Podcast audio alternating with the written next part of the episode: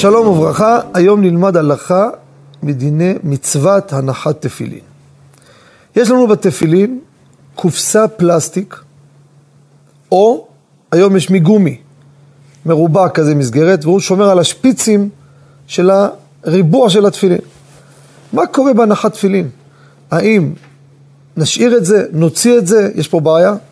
קודם כל, מעיקר הדין זה לא חציצה, למה? תשימו לב, גם הפלסטיק יש לו חור באמצע, למה? שאז יש מגע, זה גם מנשק, וגם אין שום בעיה, גם הרצועות הם, שמקיפים, יש נגיעה גם כן ב, ברצועה, בקשר של היוד למי שמקיף את התפילין.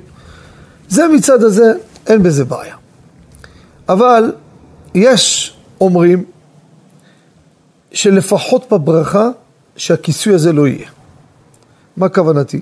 שהוא מברך להניח תפילין, שלא יהיה הכיסוי הזה. אחרי שהניח יד וראש, גמר, יבוא יכסה את זה. זה כמובן, רק על הגומי יכול לעבוד מלמעלה, או לפלסטיק למי שלא כורך את הרצועה סביב התפילין, כי אם כרכת, איך תלביש את הפלסטיק? וכך גם כן נהג מרן הרב עובדיה, שהיה מניח תפילין, היה מוציא את זה בברכה.